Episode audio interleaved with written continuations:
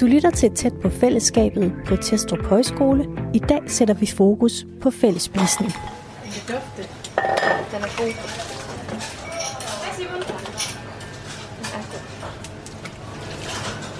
Lige nu er der jo skramlen over det hele, fordi eleverne er mødt ind og hjælper med at dække bord og vaske op og gøre klar. Og øh, så er de så super søde, at de også bare melder sig på banen hvert øjeblik her med at sige, at vi skal nok køre mad ind, og vi skal nok hjælpe med at få måltid parat. Det er simpelthen så dejligt, den der følelsen af, at man, øh, man giver bare en hånd. Og også selvom man måske ikke nødvendigvis har chance, så kan man godt komme ud og sige, at øh, vi kan godt lige øh, give en hånd. Nina Lind Balslev er køkkenleder på Testrup Højskole. Med løgsuppe kan man jo ikke sige, at det er æstetikken, der bærer det endelige udtryk, men øh, det, det kommer smagen til gengæld til at leve op til til fulde. Ja. Det er jo et, et sted, hvor man laver mad til nogen, som vi har et ansigt på. Og det er ikke sådan, at jeg bare øh, går ind i køkkenet og laver mad og øh, serverer den til en, øh, en mængde mennesker, hvor jeg ikke har et ansigt på. Her har jeg nogen, jeg kan adressere maden til, og det betyder enormt meget for den måde, man laver mad på. Vi sidder på et lille vinterdunkelt kontor med to kopper te foran os.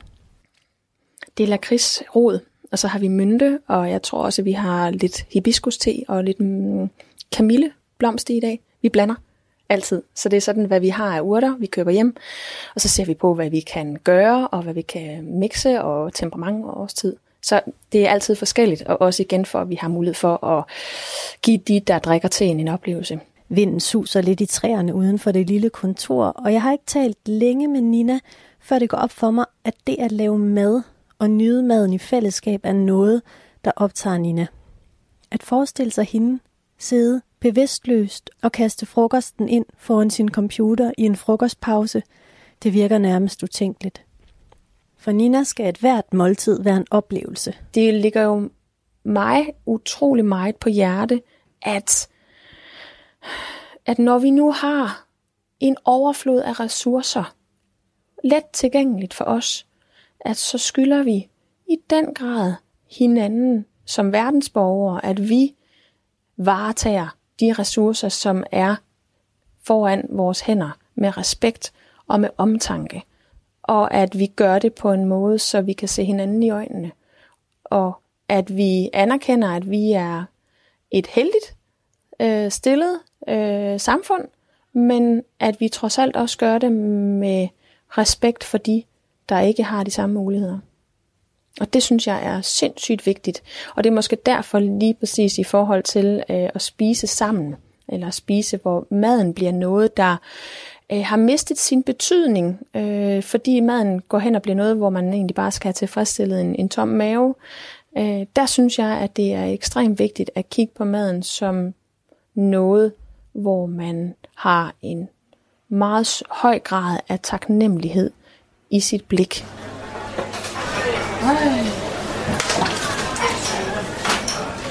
Det er helt ærgerligt, at vi ikke lige har, øh, har haft det herude, mens vi tog øh, brød ud af ovnen. Fordi jeg plejer at sige, at øh, et brød kan synge, skorpen kan synge, når det kommer ud af ovnen. Den her sådan øh, krakelerende, sprøde, citrende lyd, der sker, når at skorpen den møder en kontrasttemperatur. Det er simpelthen så fantastisk, fordi den giver sådan en form for øh, lovning på et måltid, der kommer, som er godt rundt om hjørnet. Nu skal du møde tre af højskolens musikelever. Emil, Maria og Isak. Det er så fedt at sidde og spise sammen. Altså, for eksempel en dag som i dag, fredag. Det er for mig den bedste dag at sidde og spise en spisesand på. Og det er det fordi, at der er ost og suppe fredag, som man ting herude på Testrup. Øhm, og det er så fedt, fordi vi har lige haft linjefag. Og i hvert fald for mig på musiklinjen, så er det bare sindssygt fedt at have musik herude. Altså, og så komme derover, og så er der god stemning, fordi det er fredag, og der sker noget i weekenden, og altså helt sikkert en fest. Øhm, så er det bare fedt at komme derover, og så sådan mærke det der gode humør. Jeg føler altid, der er sådan lidt ekstra løftet stemning om fredagen, når jeg er derover. Altså, og også de andre dage, altså der bliver serveret god mad, og man kan sidde og hygge snakke, hvis det man vil. Man kan også sidde og altså, halve sove nærmest. Altså man kan sidde og falde lidt hen og bare være lidt for sig selv, men ja, der, der er plads til, til, at vi alle sammen kan være der. Og det er en, øh, nogle rigtig hyggelige momenter. Også den måde, køkkenet præsenterer maden på, synes jeg også virkelig gør noget. Altså sådan, at det bliver lidt mere særligt, at de der måltider, det er sådan noget særligt for os. Sådan. Hvad er det, du så på der? Øh, Jeg krydser øh, estragon. Normalt så har vi frisk estragon, som øh, vi arbejder med. Men øh, et af dogmerne i den her uge har også været, at øh, vi kun har kørt øh, danske råvarer hjem. Øhm, og der har estragon altså haft en snært af frost ude i, øh, ude i markerne, så der har vi ikke kunne få det frisk. Så derfor er der ikke noget frisk estragon, men øh, tørret estragon. Ja. Godt, nu skal vi se her. Ja, hvis vi kan tage den her, vi mangler den sidste. Øh, den her. Godt. Ej, I kan også tage den her. Det vil være mega fedt. Super. Og ved du hvad, den tager du. Ja, og Magnus, du kan skubbe, nej, Ida kan du skubbe øh, brød. Det er god tid. Dame med barn. Slukke over. Der skal den ikke stå stille. Der kilder på vej.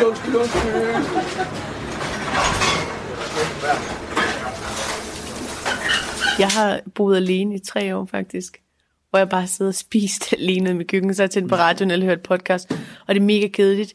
Min måltid har bare været noget, der skulle overstås, for så sidder jeg der og sådan, spiser alene. Det er ikke fedt at spise alene, jeg synes ikke, det er fedt at konkurrere til mig selv. Så jeg, øh, jeg prøver egentlig bare at få det overstået hurtigst muligt.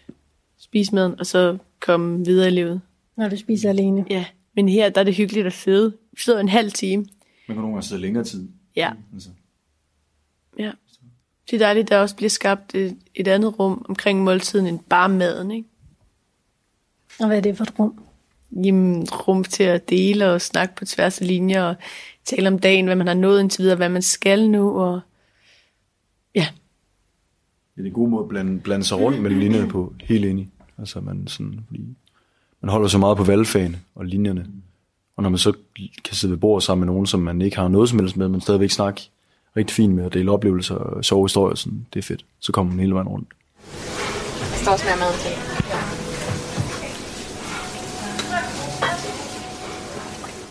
det, at vi øh, netop oplever et fællesskab ved at lave mad til nogen, hvor vi sammen bagefter kan få en oplevelse, gør, at maden ikke bliver ligegyldig. Maden bliver noget, som vi i høj grad kan sætte på dagsordenen herude. Hvor er det, du er uddannet fra? Ja, jeg har taget, øh, jeg har taget en meget baglæns øh, vej ind til gastronomien. Jeg er nemlig uddannet, øh, eller jeg har en øh, bachelor i kunsthistorie med æstetik og kultur fra Aarhus Universitet. Og øh, planen var, at jeg skulle på kandidaten på overbygningen. Og øh, igennem den lange sommerferie, der kunne jeg mærke, at det var slet ikke det, jeg skulle. Og at jeg havde et meget, meget stort hjerte for at arbejde med mad. Og tanken var egentlig, at jeg ville have taget køkkenlederuddannelsen, men den var blevet nedlagt på daværende tidspunkt. Og øh, det gjorde, at jeg i stedet for kiggede rundt og fandt Testrup Højskole, hvor jeg faktisk blev udlært. Jeg blev udlært som ernæringsassistent, men er kokke. Så jeg har haft et ben i begge lejre, altså i den ernæringsmæssige lejr og i kokkeverdenen helt fra start. Og det har farvet mig, men i høj grad har det også farvet min måde, min tilgang til øh, hele den gastronomiske verden. Og der er ikke nogen tvivl om, at det at jeg kommer fra en verden, som først har været formet af et universitet, har bevirket, at jeg den dag i dag ser på det at spise sammen, det at lave mad sammen, det at putte værdi ind i en madkultur, er ekstremt vigtigt for mig. Og det føler jeg, at jeg får et talerør her på stedet til at føre ud i livet. Og jeg fornemmer virkelig, at der er en lydhør skare, som tager imod, hvad vi taler om. For mad er ikke ligegyldigt. Mad er noget, vi alle sammen er nødt til at forholde os til. Og det gør, at man på et eller andet tidspunkt øh, i sit liv øh, får et eller andet forhold til mad. Og vi har så mange elever her året rundt, som øh, netop kommer under vores vinger og mærker en form for en påvirkning.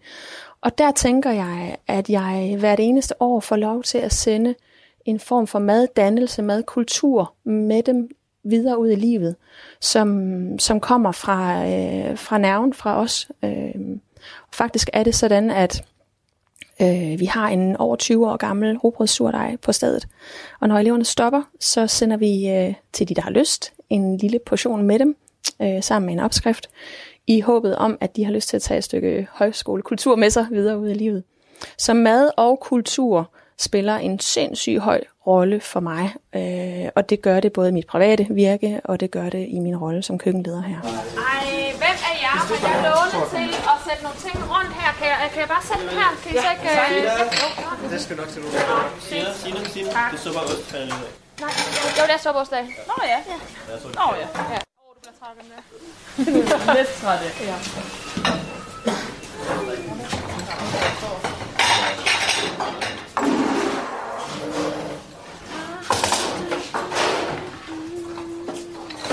Skal jeg gå med den? Hvad? Skal jeg gå med den? Øh, jamen, det kan du da godt. Jeg sætter lige den her sammen. Og de to, der er til overs. Jeg kan huske, da jeg gik på efterskole, der havde vi sådan faste pladser, ja. med hvem man skulle sidde med. Og det var helt latterligt, fordi det gør det helt samme som at have linjefag med nogen, og valgfag, at sådan, du sådan automatisk bliver bare sat sammen med dem. Og så var der folk sådan, de sidste par uger, man gik på efterskolen, hvor man så lærte dem at kende, hvor man sådan der, fuck mand, hvis bare jeg havde mødt dig i starten, altså sådan, det, jeg har været her et år nu, og vi kender nærmest ikke hinanden, og sådan, Hvad med, jeg talte med Nina om det her med, at hun har været i køkkenet i nogle år, ikke? og hun kan mærke, at der er kommet sådan mere fokus på, hvad man spiser. Mm. Sådan også klimabevidsthed. Og der er kommet nogle, sådan, nogle lidt, eller ikke grupper, fordi hun, hun prøver ligesom at, at lave et fællesskab, hvor alle er inkluderet, men der er ligesom veganere, vegetarer og kødspisere. Hvordan oplever I øhm, det? Altså, man kan jo til frokost, hvis man har meldt sig på vegetar- veganerlisten, så er frokosten altid s- fast. Så, så er man vegetar, så spiser man ikke kødet. Og, ja. og til aftensmad, det, er- det er for alle. Altså, der kan vegetarerne spise kød, og kødspiserne kan spise det veganske spread, og så videre. Den suppe, der stod på bordene, hvor er den henne? Fordi den var vegetarisk. Siger det bare. øhm, kan, vi, øh, kan vi lige prøve at se, om vi kan, vi kan genskabe muligheden for at finde den? Fordi øh, det bliver øh, måltidet alt andet lige lidt mere spændende. Øhm, Når man kommer på en højskole, har man valgt at gå ind i et fællesskab. Når man så spiser sin mad inde i vores spisesal, og man lader fadene gå rundt, så oplever man, at det fællesskab bliver forstærket. At man jo er fælles om at dele en oplevelse. Maden kitter os så at sige sammen. Og øh, når man taler om at bryde brødet, som man jo har gjort i mange, mange, mange tusind år, eller i hvert fald mange hundrede år, så øh, er det jo noget, der er iboende i vores DNA. Det vil sige, at det, at man oplever et nærvær knyttet sammen med det at spise, gør, at man finder nogle følelser og tryghed frem, som øh, man knytter til oplevelsen. Så det at spise sammen bliver noget, man, øhm, man kan føle, man kommer lidt hjem, når man sætter sig og deler en, en, et måltid med hinanden. Selvfølgelig kan man også sige, at vi i de her år er udfordret. Vi har som kultur sat os selv i en situation, hvor vi øh, kan udfordres på fællesskabet rundt om bordene. For i det, at vores øh, diameter på tallerkenerne er øget øh, siden 50'erne, og at vores velstand har gjort, at vi spiser mere, end vi har brug for, og at vi som danskere spiser meget mere kød, end vi har brug for, det har også skabt en splittelse. Og den splittelse mærker jeg som en frustration blandt de der øh, de unge, som, øh, som spiser hos os. Og mit, et af mine aller fornemmeste øh, opgaver er netop at arbejde med, hvordan kan vi dette til trods blive ved med at skabe en følelse af rummelighed, balance og tolerance mellem hinanden og os, der spiser sammen. Det er også bare mega lækre de der brød. det hører sig til, til øh, suppen her. Så er det sådan, at normalt så har vi øh, en suppe- og ostedag her om fredagen, hvor man får forskellige øh, udvalgte oste, oftest øh, danske oste. Men øh, i forhold til, at vi har en klimauge, arbejder vi jo også med, hvor meget ost vil vi egentlig servere til øh, måltidet her, og hvordan kunne vi øh, eventuelt gøre det på en, en alternativ måde, hvor man stadigvæk får en, en oplevelse af, at man sidder og hygger sig, og man har weekenden rundt om hjørnet, men hvor det er på en, øh, en lidt alternativ og en lidt mere klimabevidst måde. Så det kommer de også til at høre om i dag til præsentationen af maden.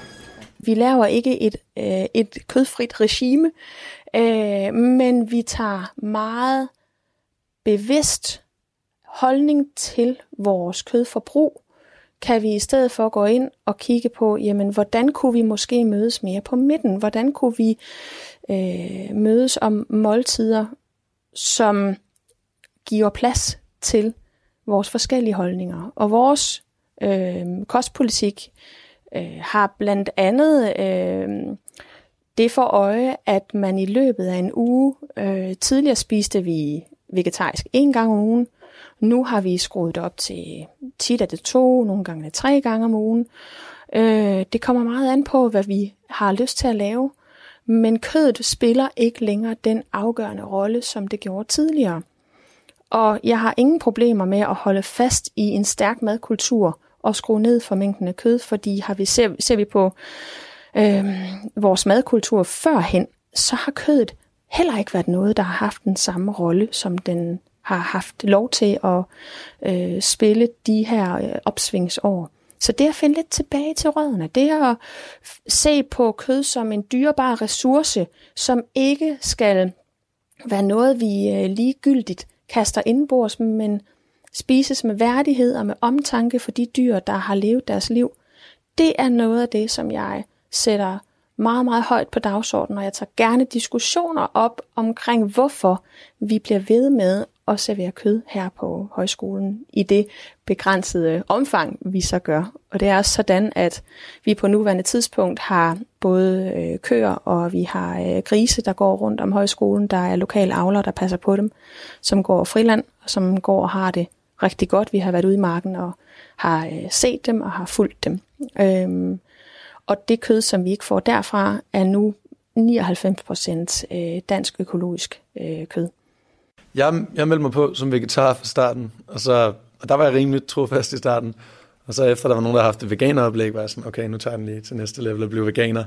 Og så må jeg sige, at jeg havde nogle fallbacks, hvor jeg spiste kød og sådan. Og nu, nu er det egentlig sådan, at nogle gange spiser jeg kød, og nogle gange spiser jeg vegetarisk. Og så kan der blive, så laver vi en joke ud af det nogle gange, at, sådan, at man går og siger, at man er vegetar, og man spiser kød. Men jeg synes alt i alt, at folk er meget sådan, det styrer man sgu selv. Yeah. Sådan, der er ikke nogen, der shamer mig for at spise kød, selvom jeg siger, at jeg gerne vil være vegetar, men ikke helt kan leve op til det. Og der er ikke nogen, der shamer dem, der... Der er jo nogle af mine kammerater på skolen, spiser kun kød, og ikke, ikke spiser nogen grøntsager. Og der er jo ingen, ja, men der er jo ingen, som shamer hinanden. Der er ikke nogen veganere, der shamer kødspisere. Og det tror jeg måske, jeg kan sagtens forstå Ninas udgangspunkt, for jeg tror, at Nina var ret nervøs for, at det vil blive sådan noget, at vegetarerne og veganerne vil gå rundt og sådan føle sig bedre end nogen. De bliver gode til at sige ind i køkkenet, at det skal være for alle, og at alle er inkluderet. Ja. Og sådan, så det er fedt. Men jeg synes heller ikke, ja, altså, som du siger, man lægger sgu ikke nogen gruppering på, udover der er den titel der, at man er veganer eller ej, men der er plads til alle. Der er ingen skam i at være det ene eller andet. Det er sygt fedt. Og så kan det være, at sådan, lige i starten, da der kom der veganer noget, så gik veganerne og klappede hinanden på skuldrene over sådan, godt arbejde, at du kan ja. udsætte dine egne behov og dine egne vaner og din egen nydelse for en større sag. Men det var ikke noget med, at der blev... Det var egentlig bare sådan at klappe hinanden på skuldrene. Det var ikke sådan noget med, at um, at der blev snakket om kødspiserne. ikke. Det var intet af det, synes jeg. Vi opererer med øh, mulighed for at være kødspiser og være vegetar og være veganer her på stedet. Og en gang om måneden har man mulighed for at skifte mellem de her forskellige øh, kostformer. Og det er en gang om måneden, så vi kan rette vores øh, indkøb ind efter det. Øh, men når det sker, så øh, skaber vi jo automatisk en åbning og en mulighed for at faktisk tage de her emner op til diskussion. Så tit, når man ligesom aktivt bliver stillet valget, hov, hvad vil jeg egentlig gerne være?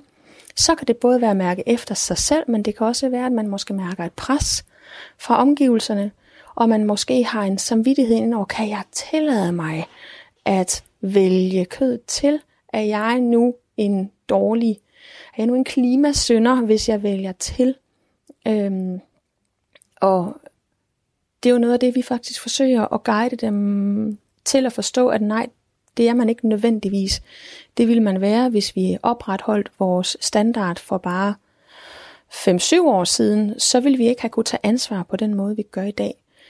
Det er langt bedre, at vi forsøger at se på, hvordan vi i fællesskab kan spise øh, med omtanke for miljøet, end at øh, færre har en holdning, der kan blive så radikal, at andre ender med at føle, at man står af over for den.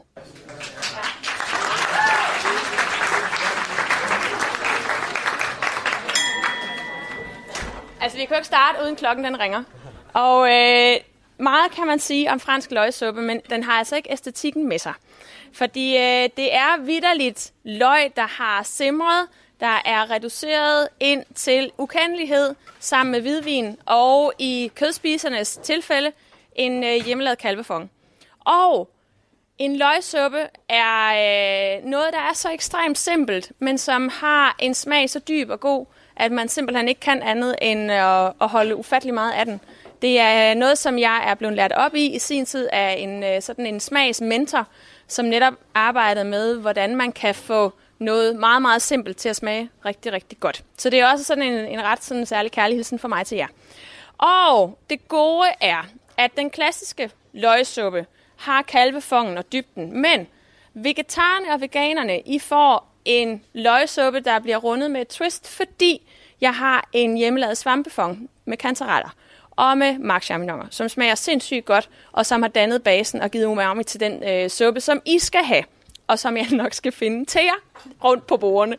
Øh, så der er virkelig en god oplevelse der. Jeg respekterer 100% at man har taget stilling, og man har en holdning. For hvis man mærker, at den giver mening for det liv, man har, så skal man sørge mig at stå ved det. Så der er ingen her på højskolen, der øh, bliver anfægtet på det, de spiser. Min opgave er bare at sørge for, at vi netop kan bibeholde et fællesskab. At vi kan til stadighed blive ved med at mødes rundt om bordet og føle, at vi kan have en samhørighed, der øh, gør, at oplevelsen bliver god, og den bliver rar, og den bliver nærværende for alle. Og det er en knivsæg at bevæge sig på, men jeg mærker også, at netop fordi det her det er så øh, aktuelt, og det er så øh, for mange næsten øh, smertefuldt at stå i, er det også derfor, det er så vigtigt, at vi netop os, der laver mad på en højskole, går ind og forsøger at sige, jamen øh, det her, det er den måde, vi tager stilling til tingene på. Vi anerkender forskelligheden, men vi vil også gerne have lov til at præsentere en mulig måde at spise på, hvor man måske føler, at man kan se sig selv, at man kan spejle sig selv, og alligevel også mærke, at man ikke øh, giver slip på alt for mange af de principper, man har. Altså, vi får jo god mad herude. Generelt virkelig god mad. Der, ja. Og så kan jeg huske, at det var første fest, hvor alle, altså jeg havde det piv elendigt. Og så fik vi serveret burger med, det var, det var flæskesteg sandwich med sovs ud over. Altså, total øh, sådan noget tømmermandsmad, ikke? Men der havde jeg lige tænkt på os derinde. Det var i hvert fald en god oplevelse, synes jeg, fordi det smagte vildt godt. Vi havde sådan en bryllupsfest, hvor alle fik roller. Sådan, hvor man skulle være den fulde onkel, eller man skulle være øh, svogeren, eller sådan nogle forskellige ting. Hvor vi så fik hver i en rolle, som vi skulle spille i løbet af aftenen. Og det var sådan, altså maden, jeg kan ikke helt huske, hvordan maden smagte. Jeg tror, vi alle sammen rimelig fulde, men sådan, det var en virkelig fed oplevelse. Sådan, det var bare en vildt sjov middag. Sådan, ja, ja. At sidde sådan alle ved sådan nogle, vi har sat bordene sammen lidt, som alle sad sådan lidt på en eller anden måde sammen. Ja, øhm, og det var bare, det var helt vildt sjovt at sidde, sådan, at sidde og spise sammen. Det var også, tog en fire timer eller sådan noget, den middag. Mm. Vi spiser sindssygt mange grøntsager på højskolen, og det er rigtig meget båret af sæsonen og årstiden. Vi vælter os i grønkål og selleri og rødbeder lige nu. Jeg kan tusind forskellige retter med grøntsager på nuværende tidspunkt. Det har jeg jo altid kunnet, og her foruden arbejder vi jo også enormt meget med optimering af de ting, vi har. At madspil er noget, vi holder på et absolut minimum.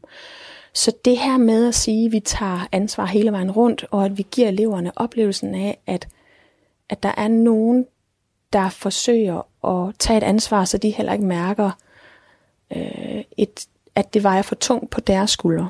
Fordi det må det ikke gå hen og gøre. Men kunne man hjælpe dem til, at de kan gå ind og føle, når man kan gøre det på den her måde, og så har man faktisk ikke trykket alt for hårdt i et klimaregnskab, øh, så tænker jeg også, at vi har været inde og klædt dem på til at øh, stå som selvstændige borgere senere, der måske føler, det lidt nemmere at navigere i deres hverdag.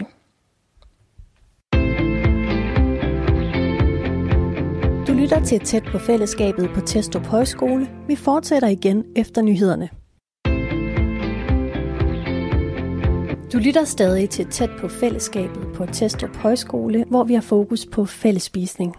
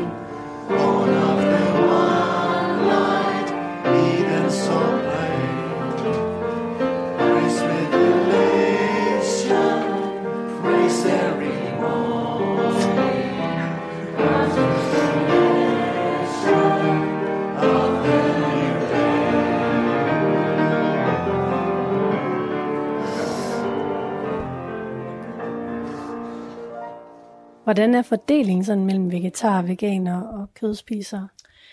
Den er, øh, den er skøn, for den er, øh, den er øh, på cirka nogen 50 kødspisere, øh, nogle 35-40 vegetarer, og så har vi lige nu 13 veganere.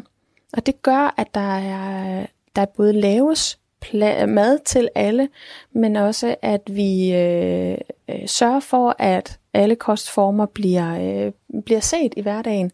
Så lige nu laver jeg en fransk løgsuppe med øh, en kalvefong. Vi har fået slagtet en, øh, en kalv her for nylig.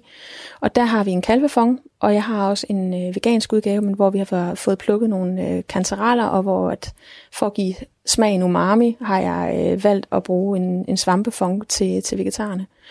Så det at sige, at vi får stadigvæk en en, en løgsuppe. Den vegetariske får så et twist af nogle svampe, men det er stadigvæk følelsen af, at man, man, spiser, man spiser det samme. Og så kan man jo godt sidde og tænke, det er jo suppe og ostedag i dag. Hvor er osten? Og det er, den, den er herude, men I har fået gratineret ostebrød. For man skal faktisk lægge det ned i sin tallerken, og så skal man hælde suppen henover, hvis man har lyst til det. Ellers, og det, jamen det, og så virker lidt over, så tænker man, skal man virkelig det? Ja, det skal man, det skal man lige prøve. Ellers så er der spinatbrød, og der er surdejsflys ved siden af, så man kan spise meget fredsomligt, uden at have den i interaktion med suppen. Rigtig tit er vores kager også veganske, fordi det er øh, meget, meget let for os at lave gode kager, som ikke indeholder mejeriprodukter eller æg. Kan du fortælle lidt mere om, hvad det er, du som øh, køkkenleder og alle jer ude i køkkenet, I gerne vil give eleverne med videre herfra af madkultur?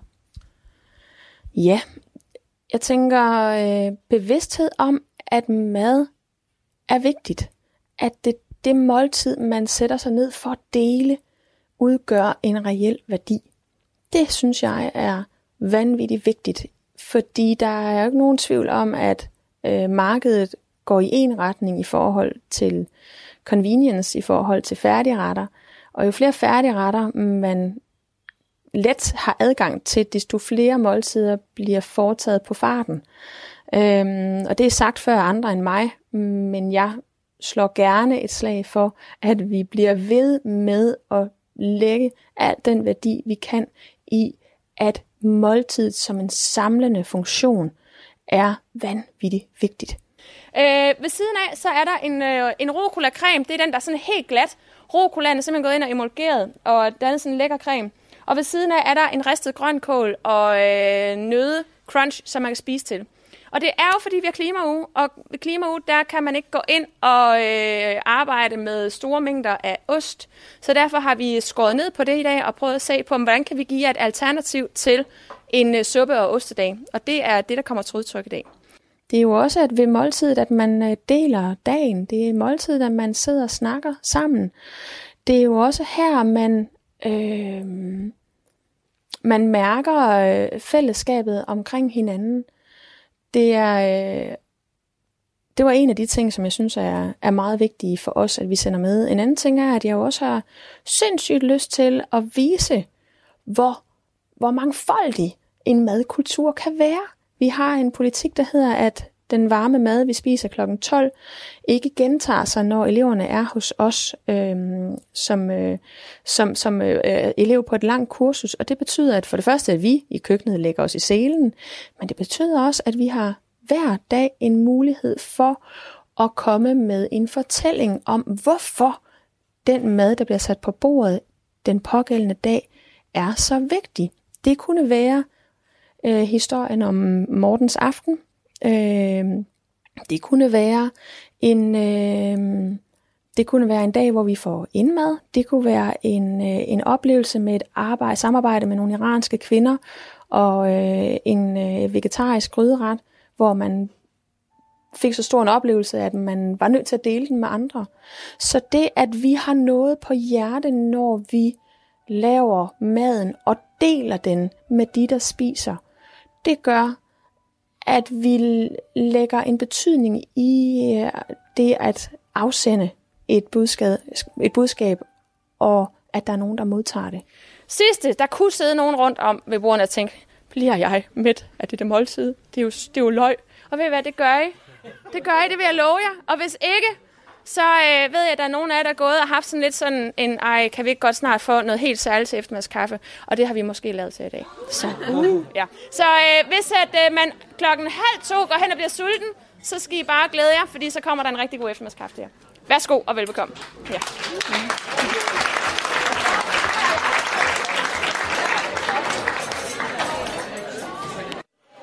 Vi har en klimauge, så det at øh, arbejde med en øh, simpel, men meget kraftig og smagfuld suppe, det er et oplagt valg til en, øh, en uge som den her.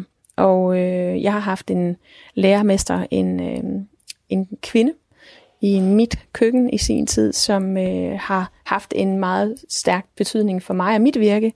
Og det var en af de supper, som øh, hun tilsmagte, og hvor hun netop oplærte mig i kunsten i, hvordan det mest simple som regel har det mest komplekse udtryk, og hvordan at det at arbejde med smag har en, øh, en vigtig betydning. Så noget af det, jeg kommer til at fortælle eleverne i dag, når jeg præsenterer den varme mad, det er, øh, hvordan en simpel suppe alligevel kan være raffineret i sit udtryk, og at den faktisk helt personligt for mig rummer en historie fra min læretid, som har haft en betydning. Så den får de med, fordi det har øh, i den grad en, øh, en historie af Nina med sig i bagagen. Okay.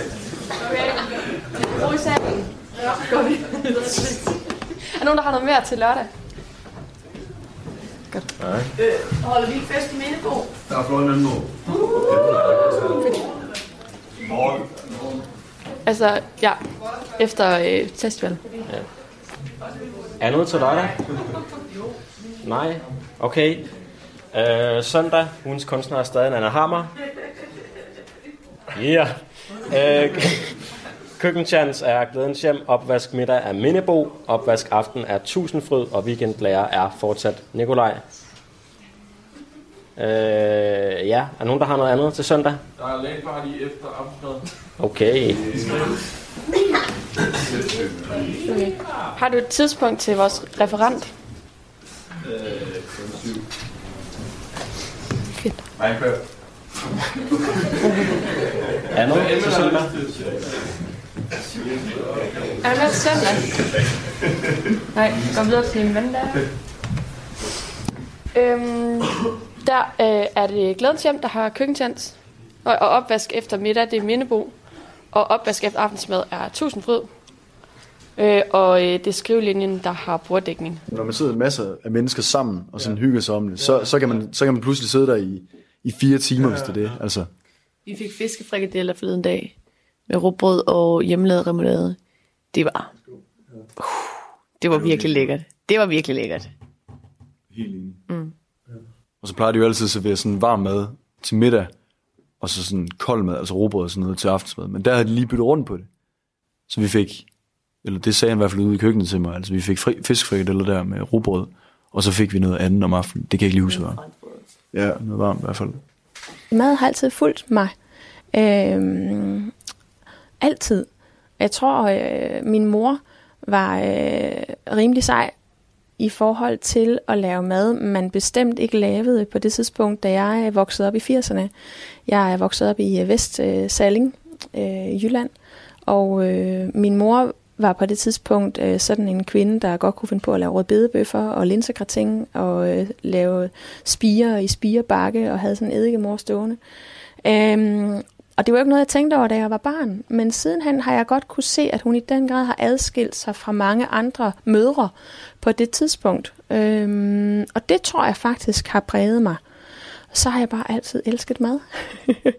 og øh, og det, det betyder sindssygt meget for mig, at jeg har en madglæde, som jeg simpelthen tager med mig. Nu har jeg også to børn, og det betyder vanvittigt meget for mig, at de også mærker, at mad er ens betydende med glæde at vi øh, er fælles om at lave mad sammen. Det lyder som om Nina og køkkenet er rigtig gode til sådan at imødekomme jeres behov, Det er eller har en god Ja, det er de. fe- feeling for, hvad, hvad I har brug for. Mm, helt sikkert. De er også gode til at overraske. Altså, der, de, de laver ikke det samme altså, to gange. Det er sådan deres mål.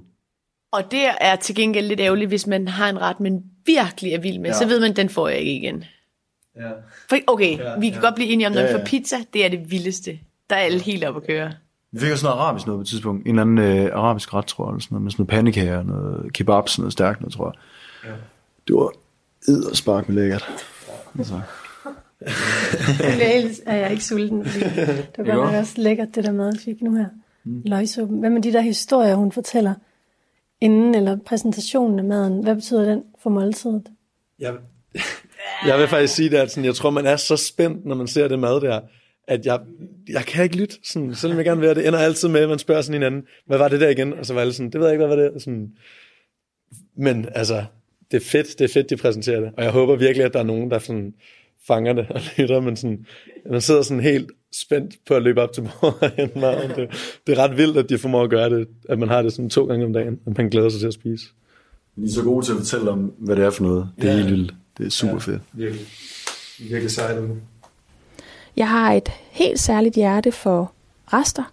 Øh, Jeg betragter dem som mine øh, byggeklodser, når jeg laver mad. Så er det det, der går ind og, og øh, skaber et øh, endeligt udtryk, som jeg ikke havde kunnet gøre, hvis ikke jeg havde haft de her rester. Det kunne være, at jeg havde en rest pesto, og der kunne være nogle kartofler, der kunne være øh, noget afpluk fra noget, øh, nogle, øh, nogle høns eller nogle ænder. Det kunne være en masse øh, grønkål. Og det der med at gå ud og kigge og se, det var en god ret i går, men nu har jeg de her 10 komponenter, hvordan kan jeg bedst muligt udnytte dem? Det er mageløst magisk, og jeg holder aldrig op med at fascineres af det. Så madrester øh, som ressource, som en vigtig ressource, øh, er jeg super skarp i, og jeg er vild med at arbejde med. Og så krydderier. Jeg er øh, fuldstændig fascineret af øh, synet af krydderiernes mangfoldighed, når de ligger hele. Blandt andet stjerneanis er et sindssygt smukt krydderi, øh, og det at man, når man tørrester dem, og man folder deres aromaer ud, når man har kværnet dem, gør, at jeg kan stå helt begejstret og mærke de der aromaer komme op, og kalder gerne folk hen til mig, øh, fordi det her det er simpelthen for fantastisk. Det skal man, øh, det skal man dele. Øh, så begejstring følger mig. Jeg kan slet ikke lade være med at have begejstring med i, i det, jeg gør. Øh, og det er også noget, jeg efterhånden er blevet opmærksom på, at min begejstring for det, jeg gør, øh, har en afsmittende effekt på, ja, på, på den mad, der bliver lavet i hverdagen, men også hvis jeg står og præsenterer øh, maden for eleverne. Jeg øh, holder ufattelig meget af at lade dem mærke mig.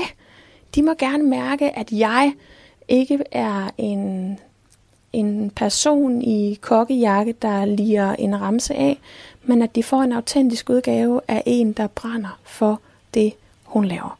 Og det, det mærker jeg faktisk også have en effekt, som har sådan en, det er sådan en positiv synergi, der sættes i gang, fordi man jo starter noget positivt, og som altid sendes tilbage med en positiv serv.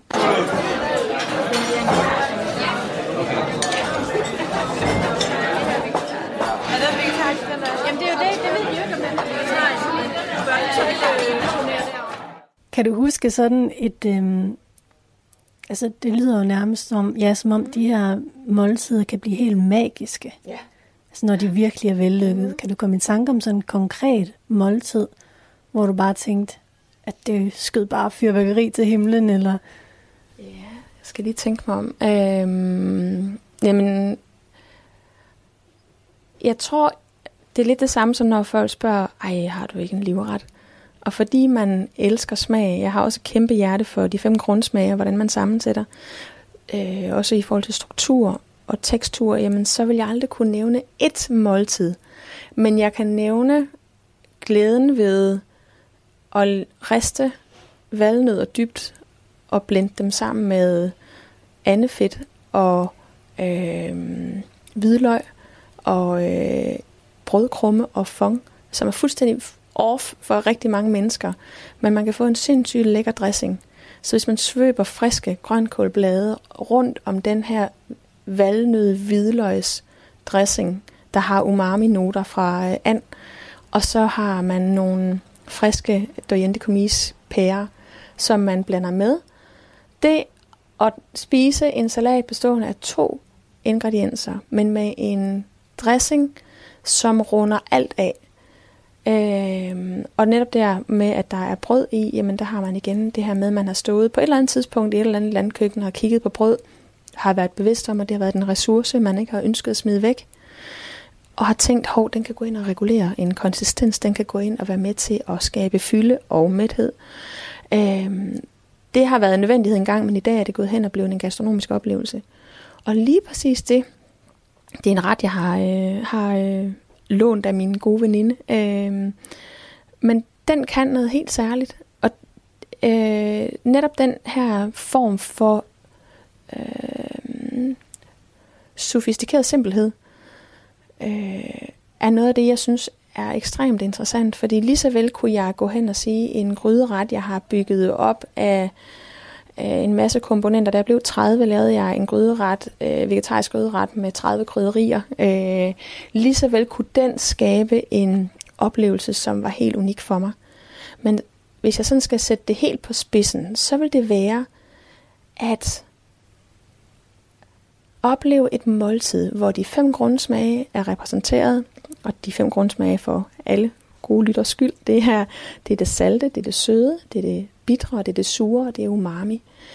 Øhm, hvis de grundsmage er repræsenteret, og hvis man oven i købet har øh, kontraster i tekstur, det vil sige, at der er noget, der er blødt, der er noget, der er knasende, der er noget, der er koldt, der er noget, der er varmt, så oplever man en fuldendt smagsoplevelse, som simpelthen kan sætte mig helt op i det høje felt og virkelig gøre mig dybt lykkelig.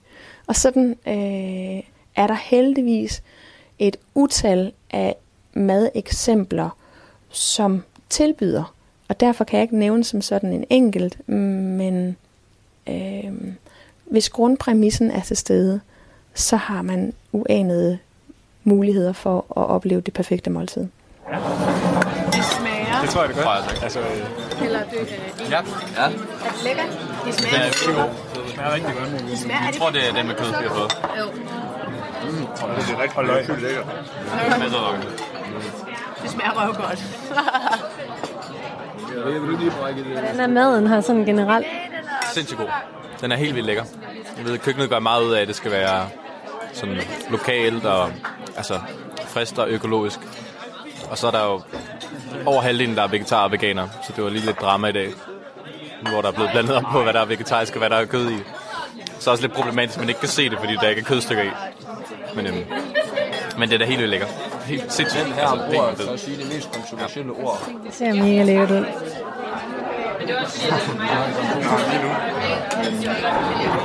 Men jeg havde lidt en idé om, at det skulle være sådan noget virkelig sådan opbygget hele tiden som Så er maden på bordet, og, og den lover noget fantastisk. Hvad, hvad gør det så ved, ved dem, der sidder rundt om bordet? Det skal vel også gå op i en højere hende. Der skal vel også være en god stemning, eller... Ja, og der tænker jeg jo igen, hvis du bare træsker ind og sætter dig ned og spiser den mad, der er blevet serveret foran dig, øhm, og du måske mentalt er et andet sted, er chancen for, at du bare spiser maden og rejser dig og går igen, uden at være påvirket, ganske stor. Men det, at vi faktisk til middag og til aften her på stedet præsenterer maden, gør, at man måske rusker lidt op i skiftet. Man kommer fra en time, man kommer fra en undervisning, man kommer fra et foredrag, man kommer fra et andet setup. Nu kommer man ind i spisesalen, og man bliver lige gjort opmærksom på, at øhm, der sker noget andet.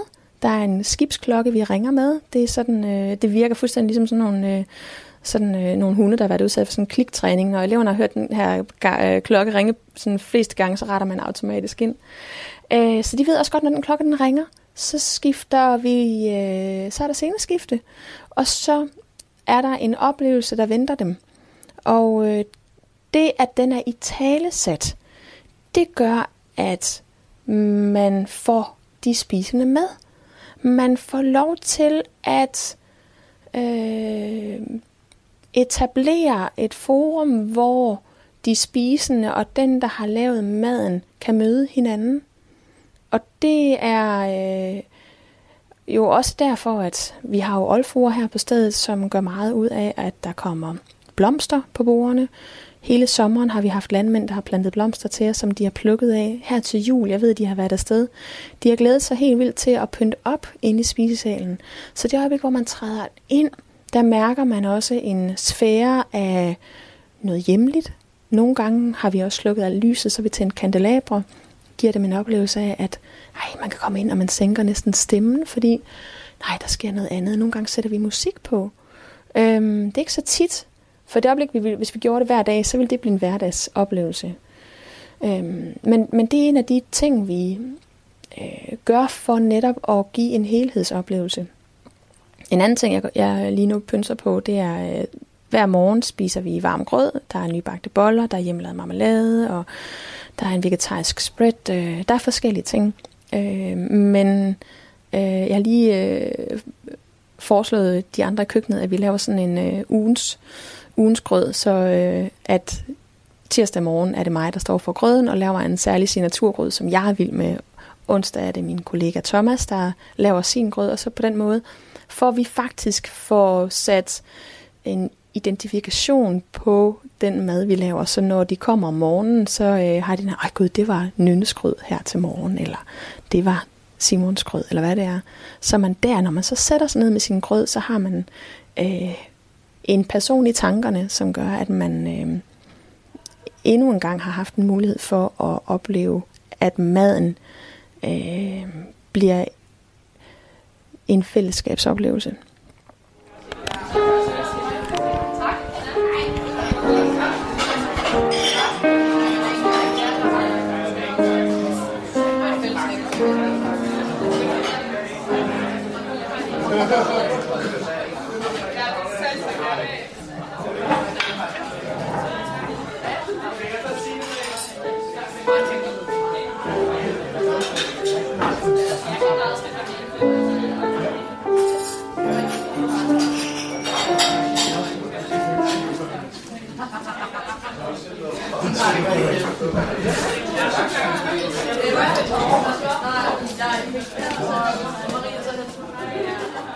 Vi er jo sådan, at når eleverne stopper med at være elever hos os, er det rigtig tit, at vi gør brug af dem i køkkenet som øh, ung arbejdskraft, hvor vi, når vi har korte kurser, skal løbe stærkt, ekstra stærkt, og har brug for nogle flere hænder. Der bruger vi de gamle elever, og så kommer de tilbage, og så arbejder de i køkkenet hos os. Og der, det at man arbejder på daglig basis i en periode, gør, at man øh, klikker med nogen på en måde, hvor man godt kan mærke, at man etablerer en kemi, som er, øh, er, er unik.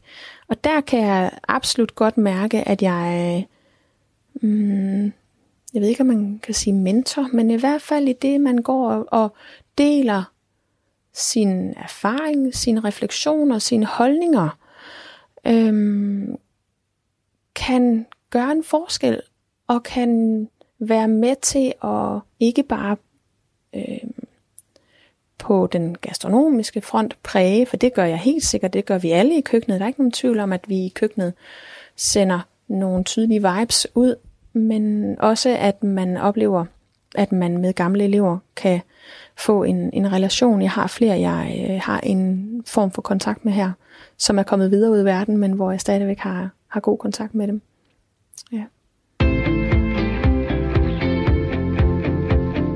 Lyttede til Tæt på fællesskabet på Testrup Højskole.